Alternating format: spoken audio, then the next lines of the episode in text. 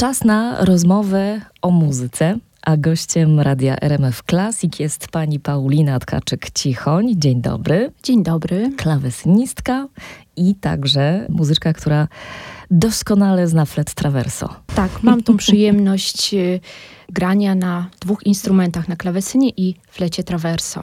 A to oznacza już bardzo dużo dla naszych słuchaczy. To oznacza no, niespełnioną ciekawość wobec muzyki, instrumentów, a także wyjątkowych kompozytorów. Jest y, w pani, na pani drodze artystycznej jeden wyjątkowy kompozytor, któremu poświęciła pani bardzo dużo pracy. To Christlip Zygmunt Binder. Czy może pani opowiedzieć, jak zaczęła się pasja? No i ten moment takiej decyzji, tak, będę swoją pracę naukową poświęcać twórczości tego kompozytora. Właściwie zaczęło się to od y, poszukiwań y, w Bibliotece Narodowej mhm. w Warszawie. Szukałam unikatowych y, druków, które mogłyby wnieść właśnie coś, coś nowego. Chciałam odkryć kolejne ciekawe dzieła, bo jestem przekonana, że takich y, utworów, twórców jest jeszcze bardzo wiele. I myślę, że jeszcze wiele przed nami do odkrycia. Przy nazwisku Bindera zatrzymałam się w związku z tym, że właśnie y, było napisane klawesyn i flet traverso. Czyli dokładnie instrumenty, które doskonale pani zna. Tak, i rozpoczęłam poszukiwania. Najpierw zaczęło się od y, znalezienia nut, zdobycia tych nut, następnie rozczytywania tych utworów, które powiem szczerze, wcale nie są proste. Z jednej strony niezwykle wirtuozowskie, bardzo y, bogato ornamentowane przepięknie zresztą są y, zdobione przez y, samego kompozytora, niezwykle ekspresyjne, oryginalne, y, ciekawe harmonicznie. Także wielka, wielka głębia w tych utworach już mnie zafascynowała na samym początku. Najpierw poznałam jego sonaty klawesynowe, opus pierwsze, to był taki początek, taki impuls do napisania e, właśnie rozprawy doktorskiej na temat e, sylwetki i twórczości Christliba Zygmunda Bindera. Przy okazji właśnie zostały przeze mnie nagrane te e, sonaty z opusu pierwszego i jest to pierwsze takie nagranie w historii fonografii. Mamy tutaj płyty w rękach. Ta pani relacja z tą fascynującą osobą kompozytora, jak ona się zmieniała od tego momentu spotkania z nutami w, w Bibliotece Narodowej aż do dzisiaj? Jak pani może określić ten rodzaj właśnie fascynacji, zmiany, ale też znajomości twórczości kompozytora? Bardzo dobre pytanie, bo powiem szczerze, że już od y, wielu lat interesuję się Christlibem Zygmundem Binderem i muszę przyznać, że cały czas odkrywam w jego twórczości coś nowego. Y, mimo, że wiele utworów gram już od y, wielu lat, y, pewne rzeczy powtarzam na koncertach, pewne rzeczy odkrywam oczywiście na nowo w sensie twórczości i cały czas mnie coś zaskakuje, cały czas mhm. znajduję w tym coś, coś nowego, coś, czego wcześniej nie zauważyłam, co jeszcze mogłabym może właśnie w interpretacji pokazać, bardziej podkreślić. Także muszę przyznać, że ta literatura dla mnie jest niezwykle inspirująca, interesująca i właśnie inspiruje do tego, żeby cały czas się w nią zagłębiać i, e, i odkrywać coś nowego. E, zaczęło się od e, sonat solowych, tak jak wspomniałam, ale to tak naprawdę dopiero początek, bo twórczość Christlieba Zygmunda Bindera jest y, bardzo bogata. Y, również twórczość kameralna. W związku z tym, że gram, tak jak pani wspomniała, na flecie traverso, to kolejna moja płyta z twórczością właśnie Bindera jest y, związana i z fletem traverso, i z klawesynem. Tutaj występuje w podwójnej roli, także y, bardzo się cieszę, że mogłam odkryć y, jego utwory nie tylko jako klawesynistka, ale również flecistka. Wprawdzie Binder był zafascynowany i zainteresowany głównie klawesynem. To wynika z jego twórczości. Właściwie wszystkie utwory no, prawie wszystkie utwory są napisane na klawesyn solo lub klawesyn obligato, czyli klawesyn w roli głównej z towarzyszeniem instrumentów y, melodycznych, takich jak flet, skrzypce, wiolonczela, altówka. Y, jest wiele koncertów na klawesyn z towarzyszeniem orkiestry. Są też utwory organowe, y, trochę utworów orkiestrowych, ale jednak główny ten nacisk położony jest y, na klawesyn. To jest instrument, który słuchacza przenosi w inną epokę, zdecydowanie. I tak. chciałabym, by pomogła nam pani teraz y, troszeczkę usytuowić w czasie, w historii, kiedy powstawała muzyka e, Bindera, kiedy on tworzył, w jakich okolicznościach, być może dla kogo tworzył swoją muzykę. Spróbujmy opowiedzieć o jego czasach, w których żył. Może zacznę od samego początku. Christoph Zygmunt Binder urodził się w 1723 roku i zmarł w 1789. Żył y, na przełomie właściwie dwóch epok baroku i klasycyzmu. Tworzył też w okresie stylów tak zwanych przejściowych, czyli stylu Galant, Empfindsamkeit, Sturm und Drang. Były to style y, niezwykle uczuciowe, emocjonalne. I taka też jest jego muzyka. Z jednej strony sięga do epoki baroku, to znaczy, że można w jego twórczości znaleźć y, fugi trzygłosowe, które nawiązują do stylu Jana Sebastiana Bacha, ale też y, znajdują się na przykład sonaty, klasyczne sonaty czy przedklasyczne, które nawiązują już do Haydna, Mozarta. Mhm. Także nawet, nawet elementy y, z sonaty księżycowej Ludwika van Beethovena znalazłam właśnie w jednej z sonat y, na klawesyn i flet traverso.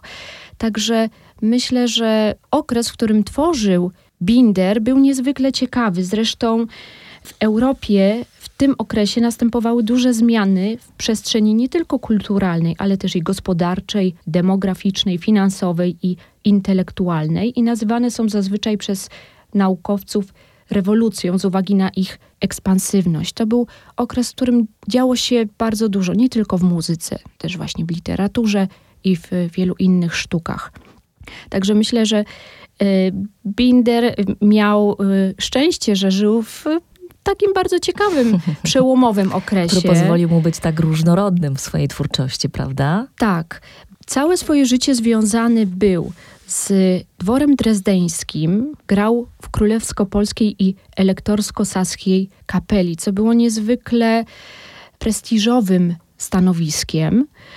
Także myślę, że y, był bardzo cenionym muzykiem przez, y, przez władców, a jego y, okres działalności artystycznej przypada na czas panowania Augusta III Sasa, który był królem Polski i równocześnie elektorem saskim oraz jego wnuka Fryderyka Augusta III, elektora saskiego. Y, podkreślam to szczególnie y, z uwagi na fakt, że można przypuszczać, iż Binder y, bywał również z dworem w Polsce i jego utwory mogły być wykonywane między innymi właśnie w Warszawie. Jestem bardzo ciekawa, jak dzisiaj muzyka Bindera jest odbierana. Czy coś przychodzi Pani do głowy, jeśli chodzi o odbiór muzyki Bindera dzisiaj w Warszawie, wśród współczesnej publiczności? Myślę, że to, to jest muzyka tak naprawdę bardzo przystępna i bardzo chętnie słuchana, jeżeli już ktoś się z nią zapozna. Także y, często nastawiamy się do muzyki tak zwanej poważnej w sposób taki bardzo y, zdystansowany, zdystansowany mhm. właśnie. A ja uważam, że w twórczości czy barokowej, klasycznej, jest mnóstwo radości, dowcipu, żartu, nawet jazzu. Mm. także takich elementów oczywiście. Tak, tak, tak. Także muzyka Bindera również y, idzie w tym kierunku. Oczywiście są są elementy bardzo takie podniosłe, używanie odległych tonacji, trudnych, e, które też mają spowodować e, odczucie smutku, cierpienia. Takie elementy oczywiście też się pojawiają, bo, no bo muszą, bo takie jest życie, ale, e, ale myślę, że w dużej mierze ta muzyka ma w sobie naprawdę wiele, wiele takiej radości i emocjonalnego bogactwa. Tak, tak jak, zgadza się. Jak. Wspomnijmy o jeszcze jednej ważnej rzeczy, bo w tym roku przypada bardzo ważna rocznica związana z kompozytorem i też ona trochę nas zmobilizowała na pewno do tego spotkania. Tak, bardzo się cieszę i bardzo dziękuję za zaproszenie. W tym roku przypada 300. rocznica urodzin Christiba Zygmunda Bindera.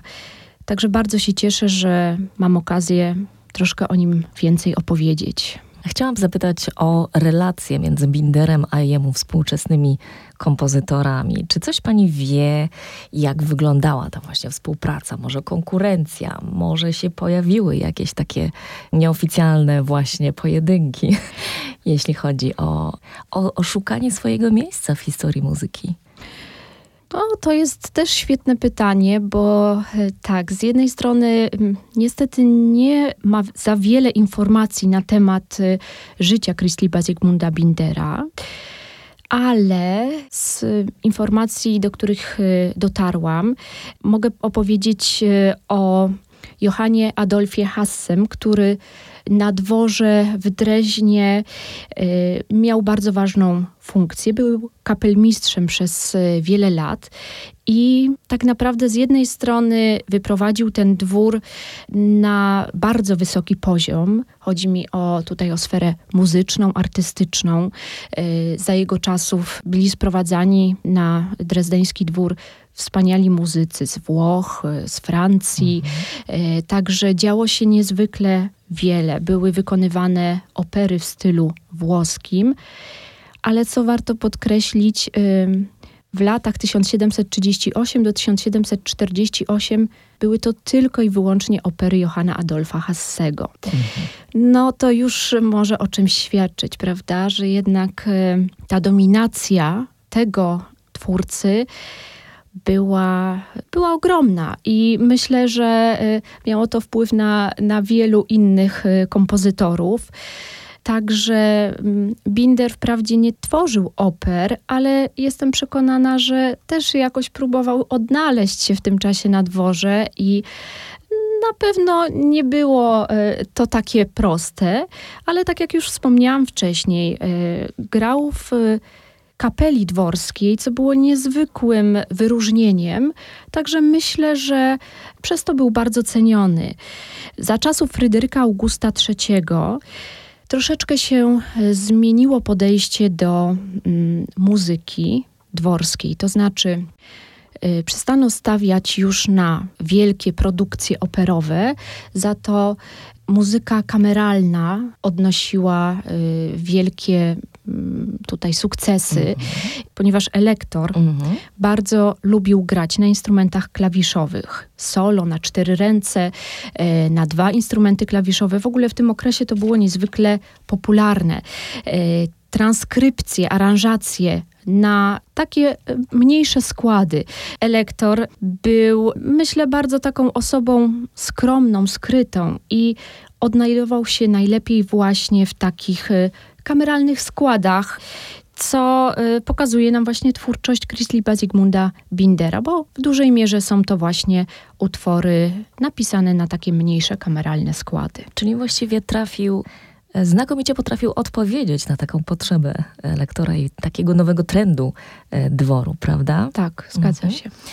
Na czym polega ten fenomen twórczości Bindera? To jest głębokie pytanie. Oczywiście na, na ten temat napisała pani pracę doktorską wykonuje muzykę Bindera na koncertach, ale myślę, że, że warto byśmy też to usłyszeli z Pani właśnie ust.